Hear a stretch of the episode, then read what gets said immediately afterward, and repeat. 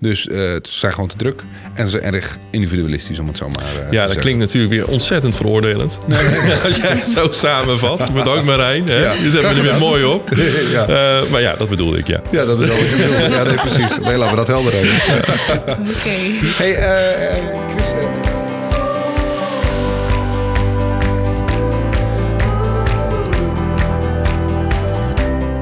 Tof dat je luistert. Wat gebeurt er als je een groep Zoomers onderzoek laat doen naar millennials en Zoomers in een kerk? Wat ontdekken ze daar over generaties, zichzelf en wat kan de kerk daar nou eigenlijk mee? We gaan het vandaag ontdekken met onder andere Christen, Rachel en Peter. En ik wil ze even aan je voorstellen. Ten eerste Christen Vreugdenhil, student Social Sciences aan de Universiteit Utrecht en theologie aan de PTHU, de Protestants Theologische Universiteit in Utrecht.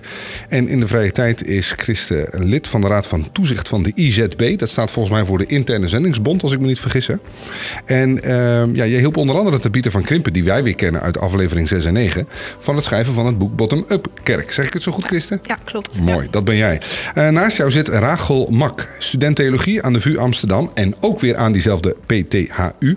Uh, eh, in je vrije tijd ben jij pianodocent. Je schrijft bijbelleesplannen voor YouVersion, de bekendste bijbelapp ter wereld, voor velen wel bekend. Ook is hier Peter Kruid. Jij bent volganger van de Baptistengemeente in Amersfoort. Behaalde recent uh, voor de zomer je master theologie aan de Theologische Universiteit Utrecht, voorheen Kampen.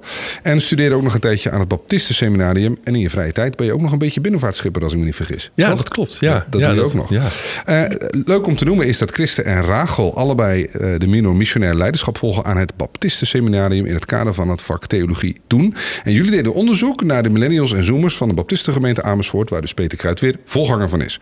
Mijn naam is Marijn Vlasblom. Ik ben theoloog en projectleider van Begrijpend Leven, waarin we de vragen van jonge mensen rondom geloof, kerk en de Bijbel adresseren. Christen en Rachel. Jullie hebben onderzoek gedaan naar die betrokkenheid van millennials en zoomers in die gemeente. Um, waarom eigenlijk? Wat is er met jullie generatie aan de hand? Wauw, dat is wel scherp gesteld uh, op die manier. Ja. ja, um, wij hebben inderdaad onderzoek gedaan in de BGA. Mm -hmm. um, dat is heel interessant, omdat je zelf natuurlijk uh, nou, leeftijdsgroep onderzoek die, waar je zelf ook toe behoort. Ja. Um, dus dat kan ook wel confronterend zijn. Mm -hmm. uh, maar wat we landelijk zien is dat uh, jonge mensen soms de kerk verlaten. En dat is natuurlijk heel spijtig. Dus mm -hmm. um, we wilden ook in de BGA onderzoeken of dat zo is en waar dat dan aan ligt. En uh, hoe je jonge mensen eigenlijk bij de kerk kan houden. Um, hoe je ze positief bij kan betrekken. En dan gaat het niet alleen om, om betrokkenheid, maar ook een gevoel van verbondenheid met de rest van de gemeente. Ja, precies. Want uh, ja, Peter, ik weet niet of jij met de vraag kwam of dat mijn collega Hans dat deed. Maar waarom deze generatie? Wat is er aan de hand met die club in, jou, in jouw kerk? Nou, um, als, je, als je gewoon statistisch puur kijkt naar uh, de leeftijdscategorie waar ik zelf dan nog net toe behoor, de millennials, mm. dan kun je zeggen dat 50% van de mensen die christelijk zijn opgevoed in de kerk, mm -hmm. dat de helft daarvan de kerk gaat verlaten, ja. statistisch. Mm -hmm. En dat de generatie daarna, dat dat nog een keer gaat gebeuren. Dus in die zin is er iets gigantisch aan de hand op ja. dit moment. Er is een gigantische verschuiving aan de hand. Dus mm -hmm. inzicht krijgen in wat gebeurt er nou en wat vinden deze mensen nou. Uh, deze mensen. wat, wat, wat, wat, wat is belangrijk voor hen? En waarom is dit gebeurd? Wat kunnen we hierin zien? Mm -hmm. Ja, daar was ik zelf heel erg benieuwd naar. Maar het was jouw collega Hans die ermee kwam. En die dacht, laten we dat eens in jouw uh, kerk. Want wat merk jij daarvan in jouw eigen gemeente in Amersfoort? Uh, nou, de, de, gemeente in Amersfoort bestaat dus van een groot deel uit uh, mensen die in die leeftijdscategorie vallen. Okay, He, dus ja. we hebben in verhouding hebben we wat minder ouderen, zeg mm -hmm. maar. En hebben we vrij veel mensen die uh, niet zozeer zoomers, maar wel echt millennials. Ja. En ja, daar, daar merk je van alles van aan. En ja. wat merk je daaraan? Je merkt dat kerk bijvoorbeeld een van de vele opties is die ze hebben. Ja. En in een overvolle agenda met mm. kinderen, met carrière, met tweeverdienerschap. Uh, kerk een van, de, een van de vele keuzes is die als het ware elke keer weer opnieuw gemaakt ja. moet worden. Dat is een van de dingen die je merkt. En wat merk jij daarvan als, als, als volganger? Is het voor jou bijvoorbeeld moeilijker om aan vrijwilligers te komen? Of... Uh, ik denk dat uh, überhaupt in elke kerk het uh, niet altijd makkelijk is om aan vrijwilligers te komen. Um, maar ik merk het zelf denk ik vooral inderdaad in die plaats die de kerk heeft. Mhm. Mm -hmm. uh, het staat niet in het centrum van levens. Nee. En dat is natuurlijk wat je als voorganger graag wil zien. Mm -hmm. um, maar dat is, dat is gewoon niet het verhaal. Nee. En uh, dat, dat merk je in opkomst tijdens activiteiten. Dat merk je in Eh, afspreken van, hey, kom ik dan, kom ik dan, zijn ze er dan ook? Oh ja. Eh, dat soort dingen. En, en niet dat er een soort van kwade opzet achter zit. Vaak Nee. is het verlangen absoluut aanwezig. Mhm. Maar op de donderdagavond zelf, als het Mhm. dan half acht is en je op je fiets moet gaan stappen naar de kerk toe, Ja. ja. dan zijn er vaak ook wel echt een aantal andere dingen aan de hand, waardoor Mhm. dat opeens een van de minst logische opties is. Dan is de drempel ineens heel hoog. Ja, Ja. dan is de drempel vrij hoog. Ik snap hem. Eh, Rachel, waarom nou deze generaties? Waarom millennials en zoomers onderzoeken?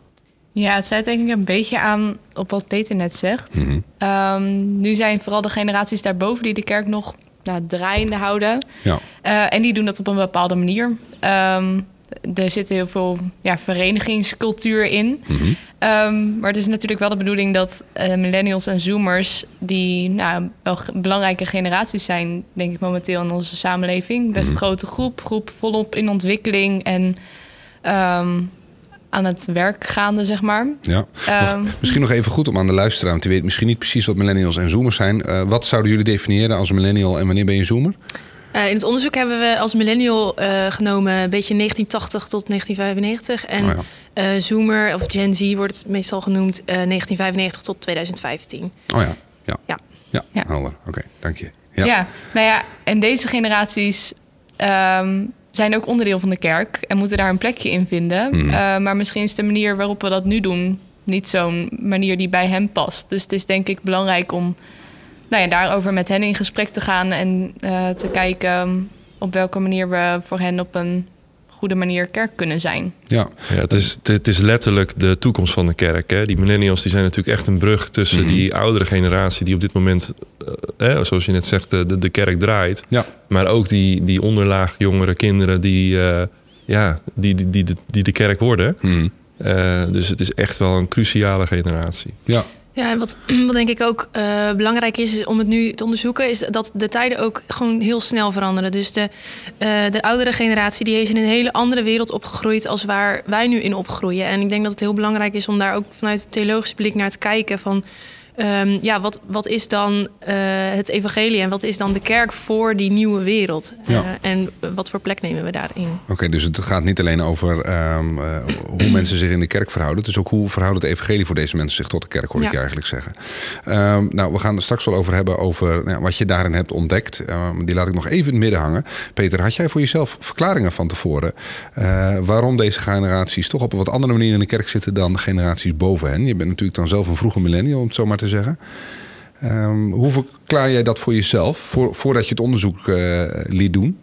Ehm, nou, hoe, hoe, hoe verklaar ik dat? Ik denk dat ik, dat ik vooraf eh, misschien wat meer een oppervlakkige verklaring zou hebben als het gaat over het bezet zijn, het druk zijn. Oh ja. Maar ook de, de grote nadruk op individualiteit. Hè? Ja. Dus ik denk echt dat ook corona ons nog verder bepaald heeft bij onze individualiteit. Mhm. En daarmee dus ook de vraag: is de kerk de plek die bijdraagt aan mijn persoonlijke bloei? Ja. Eh, die is nog groter geworden. Mhm. En ik denk dat dat voor mij wel een soort eh voorafverklaringen waren voor nou ja, wat je ziet gebeuren. Ja, dus eh, ze zijn gewoon te druk en ze zijn erg individualistisch, om het zo maar eh, te ja, dat zeggen. klinkt natuurlijk weer ontzettend veroordelend. Als jij het zo samenvat, met ook Marijn. Hè? Ja, Je zet me er weer mooi op. ja. Eh, maar ja, dat bedoelde ik, ja. ja, dat je bedoelt. Ja, nee, precies. Nee, laten we dat helder hebben. Oké. Hey, eh, eh, Christen en eh Rachel, jullie zijn allebei Zoomers. Jullie zijn eh de studenten, nou, dat konden we net al horen. Hoe was het voor jullie om ja, ook een beetje je eigen generatie te onderzoeken? Ja, wel leuk ook. Ja? Het is, ehm, je krijgt ineens woorden voor dingen die je wel eerst impliciet eigenlijk weet over je eigen generatie. Of hoe je dingen bij jezelf merkt en de mensen om je heen. Mhm. Ehm, en er komt ineens een soort eh, theoretisch framework voor. Ja. Ehm, dat is gewoon heel interessant. En Mhm. je kunt de dingen wat beter plaatsen. En, en het is heel erg gekoppeld aan een praktijk.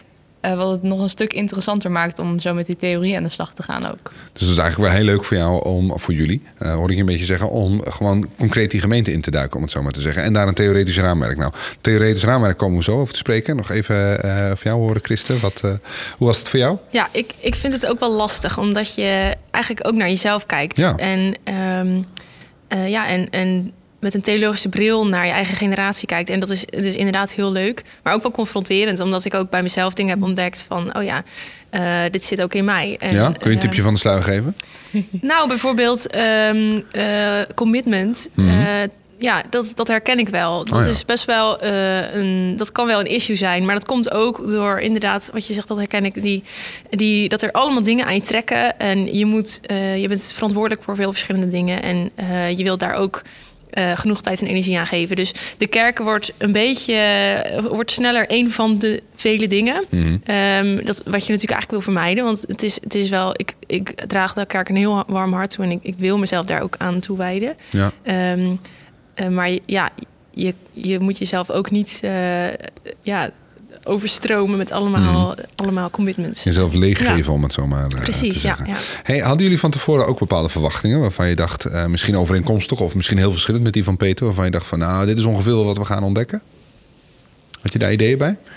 Ja, ik had er zelf. Ik ben altijd van de. Ja, we zien het wel. Mm. Dus ik had niet heel veel verwachtingen buiten dat ik het gewoon interessant vond om zo'n kerkpraktijk in te gaan. En het is natuurlijk een hele nieuwe gemeente. Dus je bent benieuwd of daar dezelfde dingen spelen als in je eigen gemeente. Ja.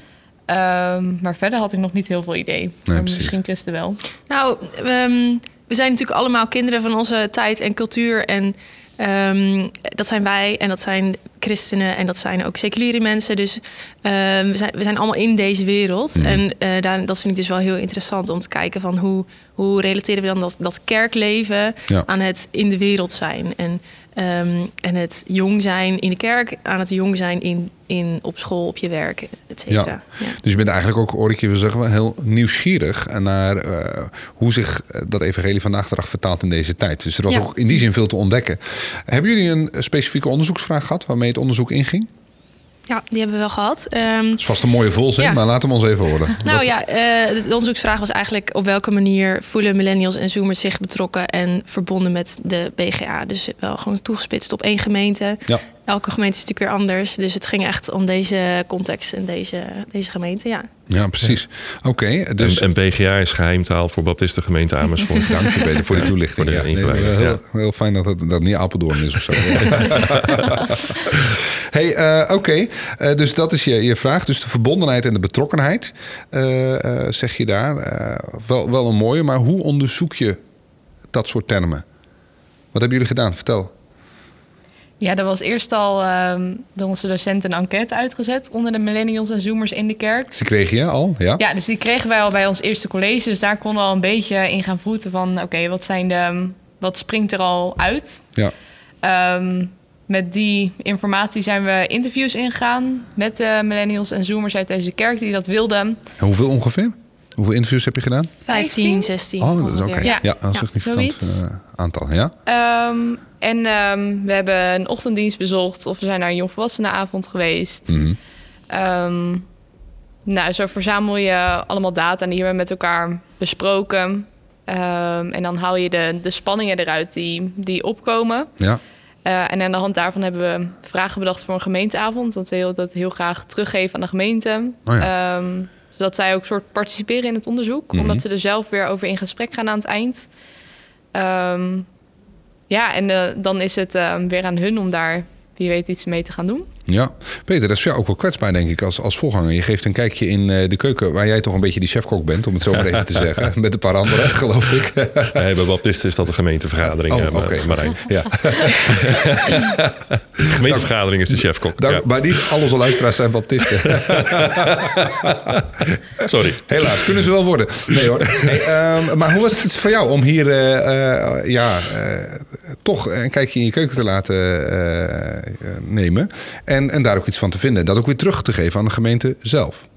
Ja, ik had er eigenlijk gewoon heel erg veel zin in. Hmm. Dus ik was gewoon heel erg benieuwd. En eh, dus ik vond het zelf niet in die zin spannend of zo. Ja. Van, eh, dus ik, ik denk, ik, ik- nou, ik heb vertrouwen genoeg in het gegeven dat we als, als BGA echt de mooiste kerk van Nederland zijn. Ja. Dus in die zin was ik ook erg zoiets van, nou, kom maar eens op. Hè. Eh, ik er maar het- eens wat van. Vind er maar eens wat van. hè. Dus, dus zo zat ik er een beetje in. Ja. En eh, tegelijkertijd was ik ook gewoon heel erg benieuwd. Want dit geeft natuurlijk mij als voorganger ook weer een hoop ja, munitie. Dat klinkt onaardig, maar wel input in ja, hoe Ja. je je onderwijs vormgeeft. eh welke activiteiten je vorm wil gaan geven. Ja. Dus in die zin was ik er ook wel, eh, stond ik er heel erg Ja. open voor, ja. Als ik het niet vergeet, ga ik je straks nog vragen of je dat na het onderzoek nou nog steeds vindt. Hè? Dat BGA Ja, de mooiste dat, eh, gemeente dat, eh, is. houden we nog even- cliffhanger, die houden- even vast. Blijf Ja, even hangen. blijf hangen. Ik ben wel even benieuwd. eh, eh, ja, Christen en Rachel. Het is misschien goed om te noemen, jullie hebben niet met z'n tweeën dat onderzoek gedaan. Hè? Dat hebben jullie met een groep studenten gedaan. Hoe groot was die groep ook alweer? 14, 15, 16 studenten? Zoiets. Ja. Zoiets. Eh, dus met een grote groep. Eh, dus jullie hebben de taken ook, ook verdeeld. Wat waren nu momenten? Hè? Dus je hebt eh, die, die enquête heb je gehad van tevoren. Je hebt die gesprekken gehad met die, eh, met die mensen. Je bent op een activiteit geweest. Kun je eens een paar dingen noemen die daar voor jullie uitsprongen? Waarvan je dacht van ja, maar dit is echt kenmerkend voor wat we nou ontdekt hebben. Ja, eh, nou ja, dat verschilt dus ook al per groep. Dus Mhm. de millennials en de zoomers hebben we, hebben we geïnterviewd. Ehm, en zelfs binnen de millennials merk je al heel veel verschil tussen eh, bijvoorbeeld mensen die eh, werken, kinderen hebben en Oh ja. mensen die nog studeren, mensen die eh, helemaal gezetteld zijn en mensen die eigenlijk nog heel zoekend zijn. Dus ehm, het was best wel een uitdaging om al die interviews te combineren tot één conclusie of één Mhm. Ja. ja. iets wat daaruit kwam. En wat voor Ehm, verschillen zie je dan bijvoorbeeld tussen een, een, een werkende millennial met, met, met de gezinssituatie en iemand die nog, ja, ik vermoed dan op je 26 staan, de rand van de studententijd zit? Wa- wa- Ja. Waarin merk je dat? Nou, eh, in de- ik denk in- wat ze nodig hebben ook en wat, Mhm. ze, wat ze verwachten van de kerk. Ehm, ik denk dat. ehm, ja, ik denk dat veel mensen het al een uitdaging vinden om daar regelmatig in te vinden, om naar bijvoorbeeld naar een kerkdienst te gaan. Oh ja. Ehm, eh, dus die zitten dan in de kerk zondags. Nou, als je jonge kinderen hebt, eh, dan wil je vooral ja, die kinderen kwijt kunnen. Mhm. Dan is er een zondagschool. Dan wil je gevoed worden in je geloof. Maar ja, je ziet eigenlijk dat eh, veel mensen met jonge gezinnen het lastig vinden om dan ook tijd te stoppen in de gemeente, omdat ze die eigenlijk niet over hebben. Ja. Ehm, aan de andere kant heb je ook, ik heb zelf een vrouw geïnterviewd eh, die eh, begin 30 was, Oh ja. single. Mhm. Die miste eigenlijk best wel een gemeenschap van andere Ja. singles, omdat de kerk, de BGA, best wel gefocust is op kinderen en Ja, op het gezinnen met kinderen. Ja. Dan heb je nog de groep eh, Gen Z'ers die eh, bijvoorbeeld wel een jeugdgroep hebben. Mhm. eh, die op zoek zijn van hoe kan ik mijn steentje bijdragen in de kerk? Is daar ruimte voor? Ja, dus zo spreek je allerlei verschillende mensen die, die verschillende behoeftes hebben. En Ja. die verschillende dingen zoeken ook in de kerk. Ja, ja, dus oké, het was best ingewikkeld, best wel complex, omdat de verschillen gewoon best groot zijn. Alleen al binnen, binnen millennials. Hoe zat dat met de, de Zoomers? Daar zitten nog veel jong studerende mensen tussen, denk ik. Ja, voor de Zoomers ligt er dan, zeker als studenten zijn, nog een extra uitdaging. Namelijk, het, ja, een deel woont gewoon eh, niet meer in Amersfoort, maar ergens op kamers. Oh ja, Eh, maar is soms toch nog wel in, in, eh, in het weekend in Amersfoort. Gaat, Ja. Voelt zich daar nog verbonden met de kerk. Mhm. Maar ja, ergens zijn die, die hete hangijzeravonden zijn ook heel interessant voor die, voor die leeftijdsgroep. Dat Misschien zijn, even goed om toe te lichten, Peter. Wat zijn hete hangijzeravonden? Eh, hete hangijzeravonden, dat zijn een soort gespreksavonden waarin we hete hangijzers, sommige mensen vinden ze niet zo heel erg heet, maar schepping, evolutie, samenwonen, eh, homoseksualiteit, nou noem maar op, zeg Ja, maar. Dat soort onderwerpen thema's, wat we in de kerk eh, nog wel eens ingewikkeld vinden, Mhm. Eh, om over die onderwerpen eh, te praten. Oké, dank je. ja, Graag iets wat ehm, Zoomers vaak heel interessant vinden. Studenten Mhm. ook zeker, want die, nou, zijn, die dingen komen ze gewoon tegen in hun, in hun leven. En daar- ze willen ook graag dat de kerk daar ook iets over zegt. Want nou, geloof is, moet op de een of andere manier relevant zijn voor hun leven. Ja, Ehm, dus dat zoeken ze ergens in de kerk, maar ze vinden dat niet altijd op een, op een zondagochtenddienst. Ehm, maar door de week ja, zijn ze niet in Amersfoort. Ehm, dus daar zit soms een, een zoektocht in van hoe verhoud ik me tot de kerk? Mhm. Ehm, hoe voel ik me verbonden? Ehm, hoe sta ik in mijn geloof? Want je komt van alles tegen op het moment dat je gaat studeren. Ja, dus veel zoeken, en, maar toch op, op, vooral op zoek zijn naar verbondenheid met anderen. ja.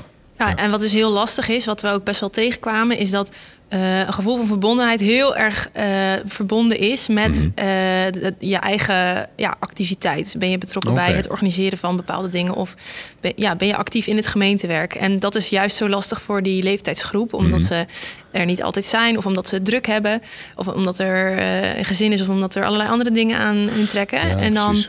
Is het best wel lastig om, om je helemaal toegewijd en, en eh, verbonden te voelen met die gemeente. Oké.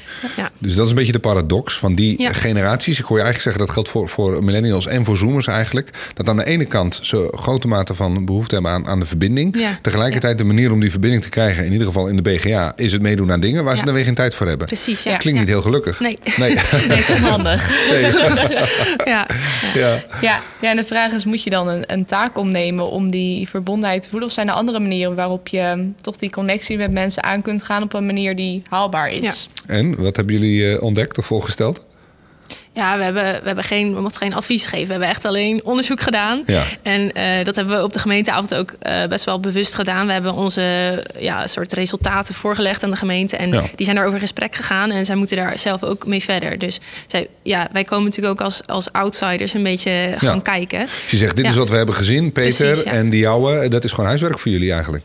Ja, dat is huiswerk. Zo heb je hem wel, eh, wel eh, ontvangen. Ja. Wat, wat voel jij op uit de dingen die je terug hebt gehoord?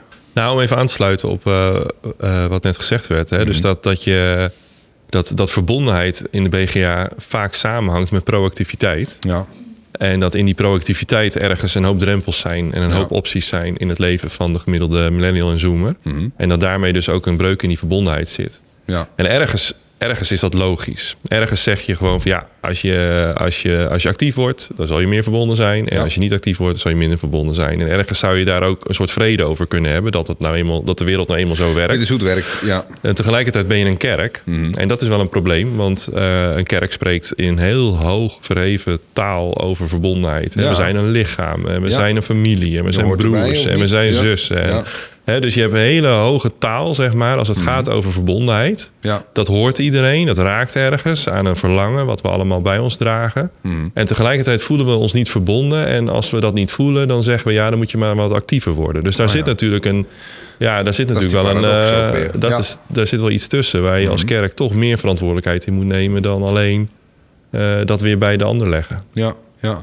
Heb je enigszins idee al ehm, hoe je daarmee om zou kunnen gaan? Of, of misschien inspirerende verhalen van andere kerken, weet ik het. Waarvan je denkt van nou, ehm, dat, dat vind ik wel een leuke gedachte. Eh, nou, dan zit, je, dan zit je eigenlijk al in de actie. Mhm. En ik denk zelf dat, eh, dat de reflectie hiervoor nog wel belangrijker is. Dus, dus wat is verbondenheid nou Wat eigenlijk? betekent het om Wat betekent te dat nou? En wanneer Ja. voelen we ons verbonden? Waar voelen we ons überhaupt in de samenleving eh, thuis? eh, op, de, op de plekken waar we zijn? Wanneer voelen we ons daar verbonden? En hoe Mhm. komt dat? En in hoeverre wordt dat gedragen door eh, ons gemeenschappelijke geloof? Ja. Of, eh, wie we, of, of, of de inspiratie die we in dat geloof met elkaar vinden. Mhm. Dus, dus ik zou voordat we eigenlijk in die actie schieten, want dan gaan we dingen organiseren waar ze niet naartoe kunnen komen omdat ze geen tijd hebben. En, Ja. dus daar, daar, kom, je- daar kom je niet. Het zit Nee. volgens mij veel dieper dan dat. We hebben het echt over een existentiële vraag naar Mhm. wat het betekent verbondenheid. Ja, ja, ja. Eh, hoe is dat eh, eh, voor jullie zelf, Rachel en Christen? Jullie maken volgens mij allebei ook deel van, uit van een studentenvereniging. Ja. Ehm, Christen, ik stel hem even aan, aan jou. Als het gaat om die verbondenheid met de lokale, lokale kerk, hoe geef jij dat vorm? Hoe, in hoeverre voel jij je daar zelf verbonden mee? Als je er, ik vermoed alleen in het weekend bent, af en Ja. toe. Of misschien vaak, maar... Nou ja, dat vind ik echt super lastig. Ik ben de ene week bij mijn ouders Mhm. in de kerk waar ik ook blijnis heb gedaan. Dus dat voelt iets, be- iets bekender. Daar ken ik meer de mensen en ik ben bekend met de structuur. Mhm. Eh, en, en de andere week ben ik in Utrecht. En ehm, ik, ik dacht een poosje dat ik een kerk had gevonden. Toen verhuisde ik. Dus toen wa- was dat weer Oh. lastig. Dus Ja. eh, ja, je voelt je heel zwervend ook als student. Mhm. En het is heel lastig om, eh, om regelmatig in één gemeente te komen. Laat staan daar ook nog actief te gaan zijn. Terwijl ik vroeger wel heel actief was in, in de kerk van mijn ouders. Ja. Mijn eigen kerk zou, zou ik moeten zeggen. Ehm, eh, dus, maar dat is misschien ook wel eigen aan het studentenleven. En ik heb dat een Mhm. beetje losgelaten. Ik denk, er is, er is een tijd voor alles onder de zon. Ja. Ehm, maar het kan wel een heel drijvend en zwervend gevoel geven. Terwijl, eh, terwijl je ook wel wat vastigheid nodig hebt. Dus, Ja. En dat is de kerk ook absoluut voor mij. Een soort, Mhm. een soort basis. Ja. Een soort... eh, ja, een, een baken in de, in de wilde stroom van het leven. Ja. Eh, dus dat zoek ik daar ook wel. Maar het is lastig om... eh, ja. ja, want zit jij ook bij een studentenvereniging ja, toevallig? ik zit bij de CZWR Ah, CSWR. Utrecht. Ja, precies. Ja. En ehm, ehm, hoe, eh, wa- wat is nou de plek waar jij het meest verbonden mee ervaart, om het zo maar te zeggen? Je bedoelt de studentenvereniging of, de kerk? als je, ja, Of- bijvoorbeeld. ja. ja. Ehm, eh, dat, dat kan ik eigenlijk niet zo zeggen. Ik denk de, de plek waar. Of ja, de mensen met wie, met wie ik me verbonden voel zijn mensen die een, een hart hebben voor het evangelie van Mhm. Jezus Christus. En dat kan zowel op de studentenvereniging als op, in de kerk, als gewoon hier op de opleiding. Ja. Eh, dat zijn verschillende plekken. Maar dat is eigenlijk niet meer gebonden per se aan alleen de kerk Nee. of alleen de studentenvereniging. Ja. Ja. ja. En tegelijkertijd zie ik om me heen dat ehm, veel studenten die niet meer gewend zijn op een gegeven moment om op zondag naar de kerk te zijn, gaan, Mhm. Dat het heel lastig is om dat op een gegeven moment wel weer op te pakken. Ja. Als je het burgerleven instramt. Want dan zijn er ook weer duizend dingen die je aan je trekken. Ja. Ehm, en je bent inmiddels gewend om die zondagochtend op een andere manier in te delen. Ja. Ehm, ja, dus ergens is die discipline ook. Moet je die misschien er proberen in te houden om, nou ja, als je niet tel- telkens naar dezelfde kerk kunt gaan. In ieder geval ergens Mm, ja. nog Ja. verbonden te zijn. Die, die ehm, betrokkenheid, als ik even terugdenk aan jullie onderzoeksvraag... zou je kunnen zeggen dat de mate van betrokkenheid eh, loopt over het lijntje van eh, verbondenheid... en de keuzes die je daarin maakt? Of, Eh, ik denk echt, ja, ik zie in mijn eigen leven dat dat wel verbonden is. Ehm, omdat, dat, nou, dat heb ik nu bij de studentenvereniging. Ik stop daar best wel veel tijd en energie in. En Ja. ik merk dat, dat je er dan ook veel uit krijgt. Een beetje een cliché, maar dat is Ja. wel zo. Mhm. Ehm, en, eh, en ik hoop dat als, ik, als mijn studententijd voorbij is... en ik woon ergens op een vaste plek... dat ik dat dan ook weer met de kerk ga krijgen. Ja. Ehm, dus, dus dat is wel... Ik denk wel dat daar een, een sterk verband tussen zit, ja. Ja. Ja. Ja, logisch. En eh, ze zeggen veel over onze generatie dat we het ingewikkelder vinden om Mhm. authentieke, diepe relaties te ontwikkelen. Omdat alles heel vluchtig gaat. ja, precies. En we zijn gewend om, ehm nee, ze noemen het wel eens de ma- magnetronmaatschappij volgens mij, om Ja. binnen vijf minuten, nee, dan duurt het al lang, resultaat te Ja. hebben van Ja. iets. En dat is niet hoe het met, met relaties werkt. En dat maakt het denk ik ehm, voor onze generatie in het bijzonder dat er een hele grote vraag leeft naar verbondenheid. Mhm. En dat het tegelijkertijd ook soms best wel ingewikkeld is om je verbonden te voelen. Ja. Ja. Ja. en een factor die ook meespeelt is, ehm, is ook wel de, de keuzemaatschappijen. Dus dat er, dat er zoveel keuzes zijn, eh, eh, ook qua kerken bijvoorbeeld. Mhm. Ja. En je hoeft niet meer per se je hele leven, eh, zeg maar, je ouders zitten in deze kerk, dus ik zit Oh er ja. ook in. Ja. Dus, en zeker als je student bent, de, de wereld gaat voor je open. Ja. En dan krijg je, daar, daar kan je ook wel stress van krijgen. Van, ik moet nu de perfecte kerk die bij mij past gaan Oh zoeken. Ja. Ehm, en, en een ander gevolg daarvan is dat je ook een beetje consument wordt. Eh, dus je gaat, je gaat ze, de kerken vergelijken. Welke eh, biedt mij het, het beste? Of Oh ja. welke voedt mij het meest? Mhm. Ehm, welke past het beste bij me? Eh, dus dat, dat voegt ook wel toe aan die, aan die vluchtigheid en, die, en dat zoeken. En Ja. dat niet meteen ergens bij willen horen. Want ik, ik wil wel zeker weten dat dit het is. En niet Ja. toch die andere. Ja. Ja. Dus, dus verbondenheid, ik hoorde het jou Peter net ook al zeggen. Verbondenheid, die diepere vraag. Hè, eh, dat is ook gewoon een heel complex thema in deze tijd en in deze, in, in deze cultuur. Ehm, eh, ik stel hem gewoon maar even aan jullie alle drie. Wat verstaan jullie nou, of zien jullie nou ook als een rol of een roeping van de kerk daar misschien in? Ja, ik had een eh, interview met een van de gemeenteleden. Mhm. En die, ehm, nou, die worstelde een beetje met hoe hij in het geloof stond op het moment. Oh ja. Maar hij zei, ja, er is nergens in de plek, een, eh, of in de samenleving een plek ehm, waar ik gemeenschap zie zoals dat in de kerk wordt vormgegeven. Ja. Ehm, dus dat deed hem toch trekken naar de kerk. Mhm. Ja, dat vond ik wel heel ehm, typerend, denk Iets ik. tegencultureels eigenlijk. Ja, Ja, ik denk, misschien wel, Ik ja. denk dat de kerk eh, nog. Ik denk dat de kerk een van de weinige plekken is waar eh, zo'n eh, ja, breedte van de samenleving nog, nog bij elkaar komt en het ook met elkaar over wezenlijke thema's heeft. Dus oud, jong, eh, hoog en laag opgeleid. Ja. Ehm, ja, ik, ik denk toch dat er een soort polarisering is en, en dat de kerk juist daar een, ja, inderdaad een tegengeluid laat horen. Ja. Mm. ja. Denk jij, Peter? Ja, ik denk dat eh, precies dat. Hè, dus dus de, de, de- het unieke van een gemeenschap als een kerk. En tegelijkertijd gewoon het grote probleem volgens mij wat we hier eigenlijk wat hieronder ligt. Is dat zodra keuze een rol speelt, Mhm. is gemeenschap niet meer vanzelfsprekend. En als gemeens- gemeenschap niet vanzelfsprekend is, dan wordt het een van die opties. Ja. En dan vindt die, daar zit die breuklijn in het, in het verbonden weten. Mhm. Hè, dus, dus het feit dat je 100 jaar geleden, 200 jaar geleden ergens op een stuk land opgroeide tussen allemaal andere mensen in bij een kerk waar je ook waarschijnlijk begraven zou worden. Ja. Daar had je die keuzes niet. Daar had je dus een gemeenschap die er natuurlijk was. Per definitie. Per definitie. Ja. En nu leven we in een tijd waarin alles, alles eh, gebeurt op basis van keuze. En het wordt elke dag aangemoedigd. Hè, Je kan al uit zes potten pindakaas kiezen als je in de supermarkt staat. Hè, dus je. Dus ergens zit daar een soort. Is, is gemeenschap ergens en verbonden weten ook ergens een paradise lost of zo. Mhm. Ja. Ja, klinkt wel heel negatief eigenlijk. Ja, Ja, maar eh, dat, laten we het niet alleen negatief houden. Want ik denk dat er ook absoluut, eh, dat kwam ook mooi in het onderzoek naar voren. Ik denk dat er ook een, een hele grote kracht zit in die, eh, soort die kritische geest van jonge mensen. Zeg maar, ja, onderzoek alle dingen, bouwt het goede. Dat zit Ja. er wel heel erg in. En je merkt heel, heel veel openheid in jonge mensen om ja, een soort ja, alle perspectieven te proberen. En, Mhm. en eh, open te staan voor. Dat, ja, dat, dat zie ik ook wel als iets heel Ja. moois.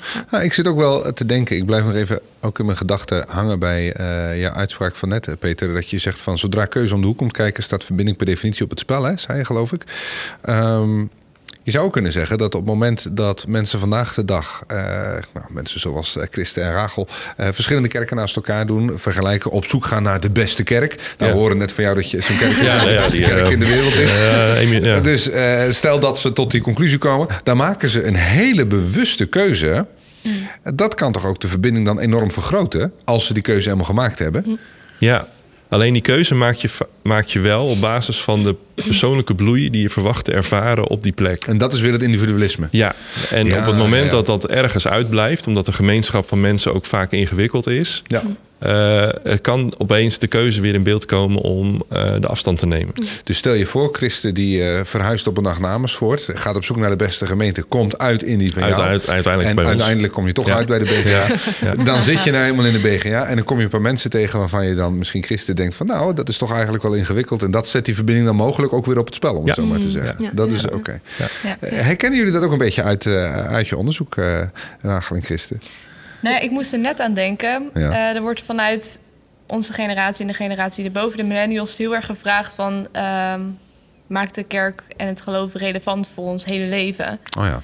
Ehm, dus ergens is er heel erg nog die zoektocht naar... oké, de kerk is niet meer per definitie automatisch levensomvattend, Nee. zeg maar. Maar ehm, in die relevantievraag zit iets van... maar ik wil dat wel op de een of andere manier, zonder Oh ja. met maandag... Het verlangen is er. Ja. Ja, dus ze zijn heel erg zoekende. Eh, ze zijn best wel idealistisch. Mhm. Dus thema's als ehm, klimaat en gerechtigheid komen veel naar voren. Dat willen ze ook graag in de preek horen. Ja. Ehm, dus ze snijden ook wel iets nieuws aan wat de kerk misschien ook wel nodig heeft. ja, precies. En, en dat hè, naast gemeenschap denk ik ook echt, hè, als je de andere core business van de kerk neemt, dan is dat natuurlijk het bieden van een bedding om in te leven. Hè? Ja. Dus, dus we, we hebben geen klein verhaal. Hè? We hebben echt een groot verhaal waar je, waar je in kan leven. En dat is de grote kracht, denk ik, van de kerk. En dat is ook wat veel mensen ook echt wel op zoek zijn. Hè? Van, eh, in, in al die keuzes, in al die mogelijkheden, in het zoeken naar al die identiteiten. Van hé, hey, ik zoek eigenlijk een verhaal waar ik in kan leven. En dat hebben we als kerk. Ja. Ja, Het is alleen nog wel eens wat ingewikkeld om dat eh, goed aan de man te brengen. Ja.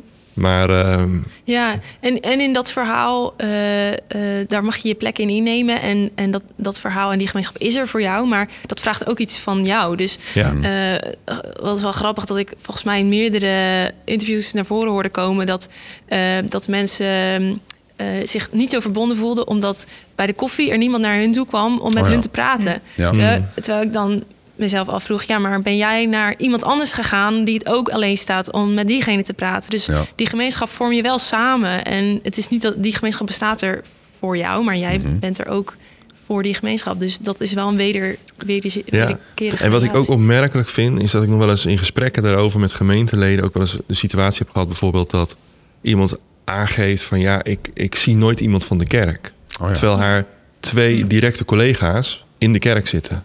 Oh ja. Maar ja, je ziet toch die en die? Ja, dat zijn collega's. Ja. En je woont toch bij die en die in de straat? Ja, en, maar ergens een beeld hebben van het kerk als een soort instituut wat voor je zorgt. Oh ja. En tegelijkertijd daardoor ook een beetje het, het zicht kwijtraken op eigenlijk alle contacten en netwerk wat je gewoon in die kerk hebt en waarin Ja. je leeft. Maar dat is misschien goed om te noemen. Die BGA, dat is ook wel een wat grotere gemeente hè? Binnen, binnen ons kerkgenootschap. Hoe-. Hoe, groot is die gemeente? Nou, eh, ik zeg het altijd maar zo. eh, we hebben 800 mensen op de lijst. en we precies. hebben er op een zondag 400. Ja, oké. Ja, maar dat is toch wel een groep waar je, als je er ook een paar keer niet geweest bent, misschien Ja, nee, dat eh, valt niet vrij op. makkelijk Ja. ja, ja. Ja. Uit beeld kunt verdwijnen. Of het idee hebben dat je mensen ineens niet meer kent of zo. Ik kan niet iedereen nabellen die niet is geweest. Nee, precies. Daar is die net Nee, te groot nee. voor. Ja, dat, ja, gelukkig misschien ook maar. Ja, ja, ja. Oké. ehm, stel je eens voor, eh, Christen en Rachel. Jullie gaan allebei verhuizen naar ehm, Amersfoort. En ik ga nu... eh, een en Ik voel een hele spannende vraag aankomen. En jullie komen allebei bij, bij Peter in de kerk. En eh, ja, jullie zijn natuurlijk eh, allebei eh, theologisch gevormd. Dus Peter, die wil jullie wel graag in de raad hebben. Ik weet niet of dat bij jullie kan, volgens Zeker, mij wel. zeker, ja. Ja, wil jullie in de raad hebben. En het eerste wat hij vraagt op de eerste raadsvergadering is... oké, wat moet er nu gebeuren met die groep Zoomers en Millennials? Ik weet dat dit verder gaat dan je zuivere onderzoeksvraag... maar gewoon even vanuit je onderbuik reageren. Wat, welk advies, waar zouden jullie met z'n drie over willen hebben? Er springen twee dingen bij me op. Mhm. Ehm, allereerst, nee, we hebben het net gehad over verbondenheid. Ja, Eh, en tegelijkertijd dat de generatie misschien best wel individualistisch is. ja. Maar dat zag ik ook een beetje terug in de dienst, Mhm. eerlijk gezegd. Bij het avondmaal werd er toch vooral een, ehm, de relatie tussen jou en God benadrukt. Oh ja. Ehm terwijl er misschien ook wel heel erg die behoefte is aan het benadrukken van die, van die relatie als gemeenschap, als lichaam Ja. van Christus. De horizontale verbinding. hè? Ja. ja. Ja, en je zit dan toch nog steeds in de banken naar voren te kijken met, z'n- met z'n allen. Het enige momentje dat je even hebt met degene die Ja. naast je zit, als je, is als je het dienblad doorgeeft. Hmm. Ehm, nou, da- dat is iets waarvan ik dacht, daar valt misschien wel wat te winnen. Heb je daar eh, misschien een voorbeeld waarvan je zegt van nou, ik heb dat een keer meegemaakt of dat doen ze elders op een andere manier, waarvan je zegt van nou, dat, dat zou ik wel een inspirerende gedachte vinden. Eh, nou ja, in mijn eigen gemeente gaan we in een kring staan. Oh ja. Dus dan eh, ben je al meer elkaar aan het aankijken. Mhm. Je kunt er natuurlijk gewoon woorden aan geven. ehm, aan, die, aan die gemeenschap. Maar wat ook zou kunnen is dat je gewoon een keer met elkaar een maaltijd gaat hebben. Dus eh, misschien een logistiek eh, puntje met 400 man. 400 maar goed, als Ja. iedereen wat meeneemt ehm, en je geeft daar het avondmaal een plek in, maar je gaat ook gewoon met elkaar eten. Dat is denk ik een van de meest verbindende activiteiten die er is. De maaltijd, ja. Ja, ja, Ja, absoluut. Oké, dankjewel. Ja, Ja.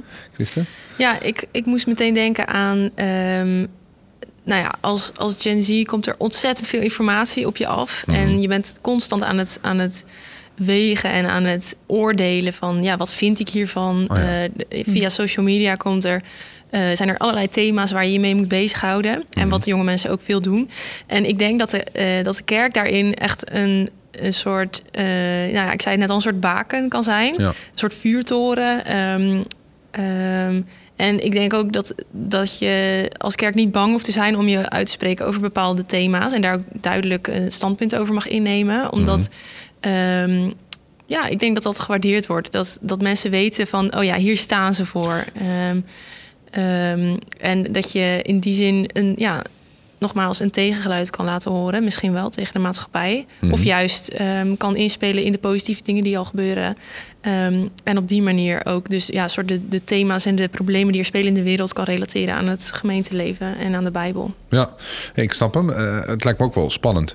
Want je moet dan inderdaad, eh, je gaat je over dingen uitspreken. Eh, thema's, nou ja, je noemt ze niet voor niks, heten hangijzers, om het zo maar even te zeggen.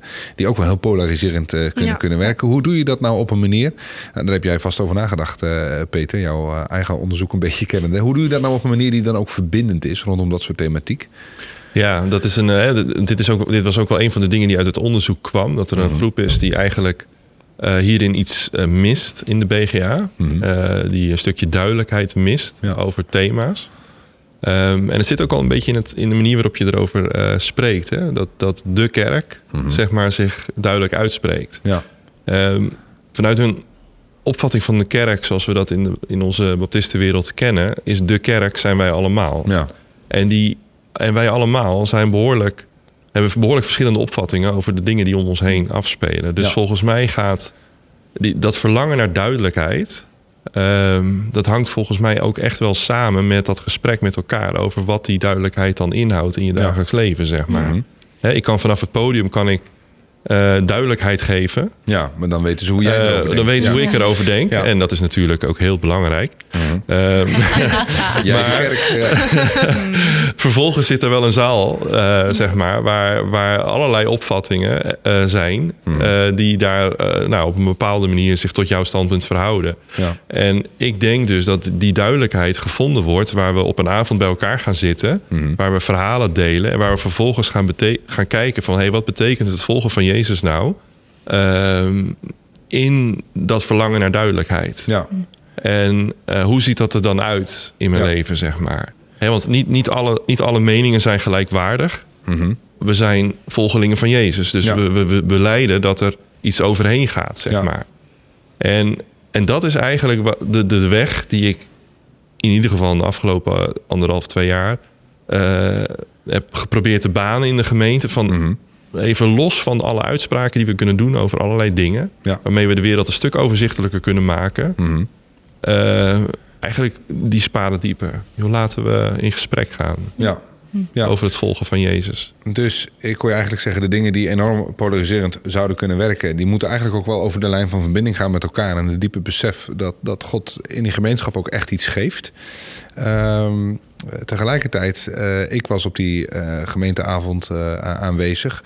Eh, ik meen me ook te herinneren dat met name de jongere generaties op die hete hangijzeravond in elk geval nog niet zoveel eh, eh, aanwezig waren. Zit jij te broeden op een vervolg daarop, waar je de jongere generaties wel wat mee meeneemt? Of, of hoe moet ik dat voor me zien? Heb je daar ideeën bij? Nou ja, dat, dat was gewoon een van de meest sp- sprekende uitslagen, zeg maar. Van Ja. Eh 100, pro- bijna 100% van de, van de jongeren, eh, van de zoomers, van de millennials... die vond het belangrijk dat we over dit soort thema's Ja. aan- in gesprek waren in de kerk. Ja, bijna dat 100% ook. was ook blij met de hete, hangerij, hete hangijzeravonden. Mhm. En eh, bijna 100% had ze nog nooit bezocht. Nee. Ehm, dus dan, ja, dus dat, dat, dat, ja, dat houdt mij nu wel bezig. Ja, van oké, we kunnen een weg. Ik zie een weg. Ik zie een weg. Mhm. En tegelijkertijd eh, zie ik ook dat die niet wel gewaardeerd, maar niet bewandeld wordt. Nee, nee.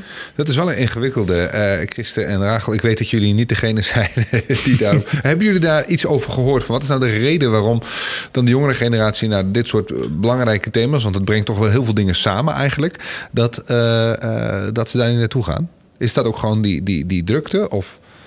Ja, heel praktisch, wat ik net noemde. Ze wonen soms ook gewoon niet meer in Amersfoort door de week. Dus als die hete hangijzeravonden, hoe leuk ze ze ook vinden op dinsdagavond zijn, dan kunnen ze Ja? niet komen. Even checken, waar is op dinsdagavond? Ja, dinsdagavond. Dinsdagavond, Ja. oké. ja, ja, ja. ja. Oh, dat is wel een, eh, een eh, tough nut to crack, zoals... eh, nou ja, ja. Dus, dus, dus is voor mij nu de vraag van hoe, hoe gaan we dit voortzetten? Ja. En, want ik geloof in, wel in het concept. Mhm. Maar moet dat meer via kringenwerk, bestaande kringen? Moet Ja. dat meer eh, via ook bijvoorbeeld jongvolwassenen kring? Of eh, hè, dat, je, dat je meer in de bestaande structuren daarin eh, Want jullie hebben doet? een jongvolwassen groep, toch? Eh, Ja. Want daar zijn jullie bij geweest. Ja, niet iedereen van ons, maar deel wel. een aantal van jullie eh Wij zijn allebei ieder geval. niet geweest, Ja, maar- jullie niet. Oké, ga ik jullie daar geen vragen over stellen? Nee, maar Maar- goed, als eh, de invulling van zo'n jongvolwassenavond een keer zou kunnen zijn dat je zo'n hete hangreizen met elkaar bespreekt, wordt die drempel misschien ook iets lager om naar de normale te gaan. Want Oh ja. Als Hmm. het beeld daar nu al van is dat er zeg maar alleen maar 40-plussers komen, ja, Ja, dat is vreselijk. Ja, nee, dat- nee, dat moet je niet nee, precies.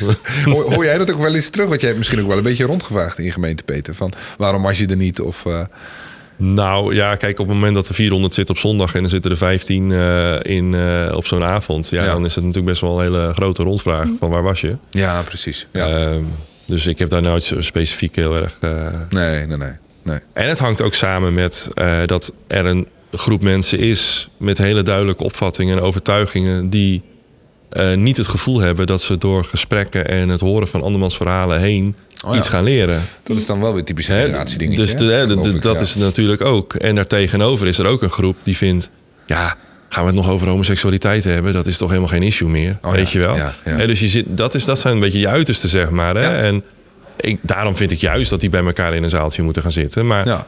Dat kunnen individueel wel redenen zijn om, het, om er juist niet te Ja. gaan zitten. Dat intergenerationeel, eh, intergenerationeel kerk zijn, dat is toch wel een behoorlijke uitdaging aan mensen. Ja. Best wel. Ja, ik, zit- ik zit me nog even af te vragen, eh, Christa en Rachel, eh, op basis van jullie onderzoek, wat je nu hebt gezien, maar ook even jullie eigen levens, eh, studentenverenigingen en dergelijke in je achterhoofd meenemend. Welk advies zou je nou ehm, geven aan kerken in Nederland die eh, met misschien wel dezelfde vraag als Peter, en ik denk dat dat er heel wat zijn, met dezelfde vraag en zoektocht als, als Peter bezig zijn? Van joh, ehm, wat, wat zou je daarin nou aan die kerken mee willen geven? Nou, eh, het is wel leuk. Ik heb eh, twee weken geleden eh, met eh, Agnes van Haafden van de ICB een Oh gesprek gevoerd bij ons in de kerk Mhm. met de jongeren. Ehm, overigens waren daar ook niet alle jongeren die in de kerk hebben zitten, maar ehm, eh, gewoon om eens te vragen van ja, hoe beleven jullie het geloof? Hoe helpt de kerk daarin mee? Hoe zit de kerk daar eigenlijk juist een beetje dwars? Ja. Ehm, eh, en nou, daar kwamen best wel mooie dingen naar voren. Mhm. Eh, Agnes gaat die gesprekken ook nog voeren in andere gemeenten met Ja. andere. eh, Zij is kwartiermaker hè, bij de IZB. precies, ja, ja. ja. Ehm, dus ehm, en ik, ik hoop dat de kerkraad daar ook iets mee gaat doen. Daar, daar gaat een rapport van gemaakt worden, wat opgestuurd wordt. En eh, ehm, waarin we laten zien van joh, dit is, dit is hoe jongeren in jullie kerk eh, eh, over, jullie, over jullie nadenken. En, en dit is hoe, hoe zij het geloof beleven. En ik hoop dat de kerkraad daar dan ook iets mee kan en wil doen, daadwerkelijk. Ja, ja dus, dus vooral eh, het gevoel dat ze gehoord worden is belangrijk. Ja. Ehm, maar goed, dat, dat is natuurlijk niks waard als er vervolgens niks mee wordt gedaan. Nee. Ja. nee. Oké, dat klinkt wel een samen jong lijntje ook in, eh in door, hoor ik je eigenlijk Mm, ja. zeggen. Ja. Rachel, jij nog aanvulling erop? Ja, en ze zijn gewoon heel erg leuk. er kan ook best wel negatief worden gedaan over onze generatie. Want ze hebben weinig commitment, zitten alleen maar op TikTok enzovoort. Ehm, maar ne- neem ze serieus. Want het is echt niet Ja. dat, ze, dat ze niet willen. Er ligt denk ik een hele grote behoefte. Maar Ja, de honger is groot, geloof ik. ja, Ja, heel groot. En ook heel veel passie. Mhm. Ehm, dus ehm, laat ze het lekker uitvogelen. Geef ze de ruimte. Laat ze hun kritische vragen stellen, want die hebben ze. ja. Ehm, ja, dan voelen ze zich denk ik ook sneller onderdeel van hun gemeente dan als ze ja, de toekomstige generatie zijn. Ja. Ja, persoonlijk denk ik ook dat die, dat die openheid eh, echt ja, een hele grote rol gaat spelen in de toekomst van de kerk. Mhm. Eh, omdat ik denk dat we in ieder geval in het Westen, eh, met eh, ja, de grote secularisatie die hier op gang is eh, gekomen de laatste eh, jaren, dat, dat we weer, eh, nou je ziet het in de fusie van, eh, van jullie eh ja, Unie ABC. Ja. Ehm, bijvoorbeeld en in de eh, NGK. ehm, Ja. ja, er ja. zijn meerdere Ja. fusies, GKW, eh, ja. precies. Ehm, ik denk dat dat, dat dat een belangrijke beweging is... Mhm. waar eh, jonge mensen ook een grote rol in kunnen spelen. Ja. Door die openheid en door die... ja, misschien toch wel een soort acceptatie van elkaar. En, eh, ja. Het is wel leuk, want het brengt mij een beetje bij mijn laatste vraag. Wat zou je nou aan jullie eigen generatiegenoten mee willen geven? Dan even de zoomers. Voor millennials hoef je niet te doen. Maar voor, voor zoomers, wat zou je hen nou mee willen geven... als het gaat om die, nou ja, die verbinding met de kerk? Ja. Welk advies? Welke oproep? Ja. ja, toch een soort commitment. Ik denk, ehm, ik denk dat het heel belangrijk is dat je, dat je gaat meedraaien. En dat je gaat meedoen. En dat je het, eh, eh, dat je het gaat beleven. Ook gewoon, gewoon fysiek, gewoon belichamen. En dat je daar, daar, daardoor ook qua geloof eh, een opleving krijgt. Ja. Ehm, en dat je niet eh, bang hoeft te zijn om je daaraan te committeren. Ik denk dat je daar heel, heel erg in gezegend gaat worden. Ja. Ja. Klinkt hoopvol. Mooi, dank je. Hagel? Ja, ehm, ik sluit me daar wel ook een beetje bij aan. Eh, iets wat nog niet genoemd is, dat, dat we in het onderzoek ook heel erg zagen dat deze groep heel erg op zoek is naar verdieping. Ja. Er worden veel podcasts voor geluisterd. De Bijbel-app wordt, ehm, wordt heel Ja. veel gebruikt. Ik zou zeggen, blijf die vooral gebruiken. Maar het, het kan ook een soort ehm, social media worden, waarbij je alles ehm, direct zeg maar Oh ja. ready wil Mhm. hebben. Ehm, dat viel me op nou ja, dat er heel veel podcasts worden geluisterd... waarin Ja. er eh, het geloof gewoon direct relevant wordt gemaakt voor je leven. Ja. En dan eh, blijft Bijbel lezen lastig. Ja. Ehm, Dus ik zou willen aanmoedigen om die Bijbel... nou ja, ook al snap je het de eerste duizend keer niet... probeer hem toch te blijven lezen... om ook zelf uit te kunnen vogelen... hoe eh, de Bijbel en het geloof relevant kan zijn ehm, voor je leven. Vraag daar eh, mensen in je omgeving ook gerust hulp bij... Ehm, ja, dat is denk ik een uitdaging die we hebben als generatie. Ja, tof, eh, tof te horen. Nou, ik, wij hopen daar met dit eh, traject ook een beetje eh, bij, aan bij te kunnen dragen. Ontzettend dank voor jullie komst. Dank voor deze mooie uitsmijter richting nou, je eigen generatie, maar ook richting de kerken. Jij bedankt voor het luisteren.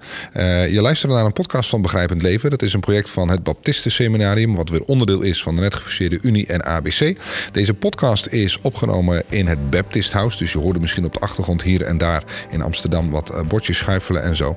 Ehm, mocht je nou willen weten hoe ziet het eruit, hoe zien überhaupt deze mensen eruit, goed te noemen dat onze podcast tegenwoordig ook wordt opgenomen op video. Dus je kunt hem daar ook terugkijken of fragmentjes daarvan beluisteren. Ehm, Begrijp het leven wordt mede mogelijk gemaakt door de maatschappij van welstand. En we horen en zien we graag de volgende keer. Tot kijk. Hoi.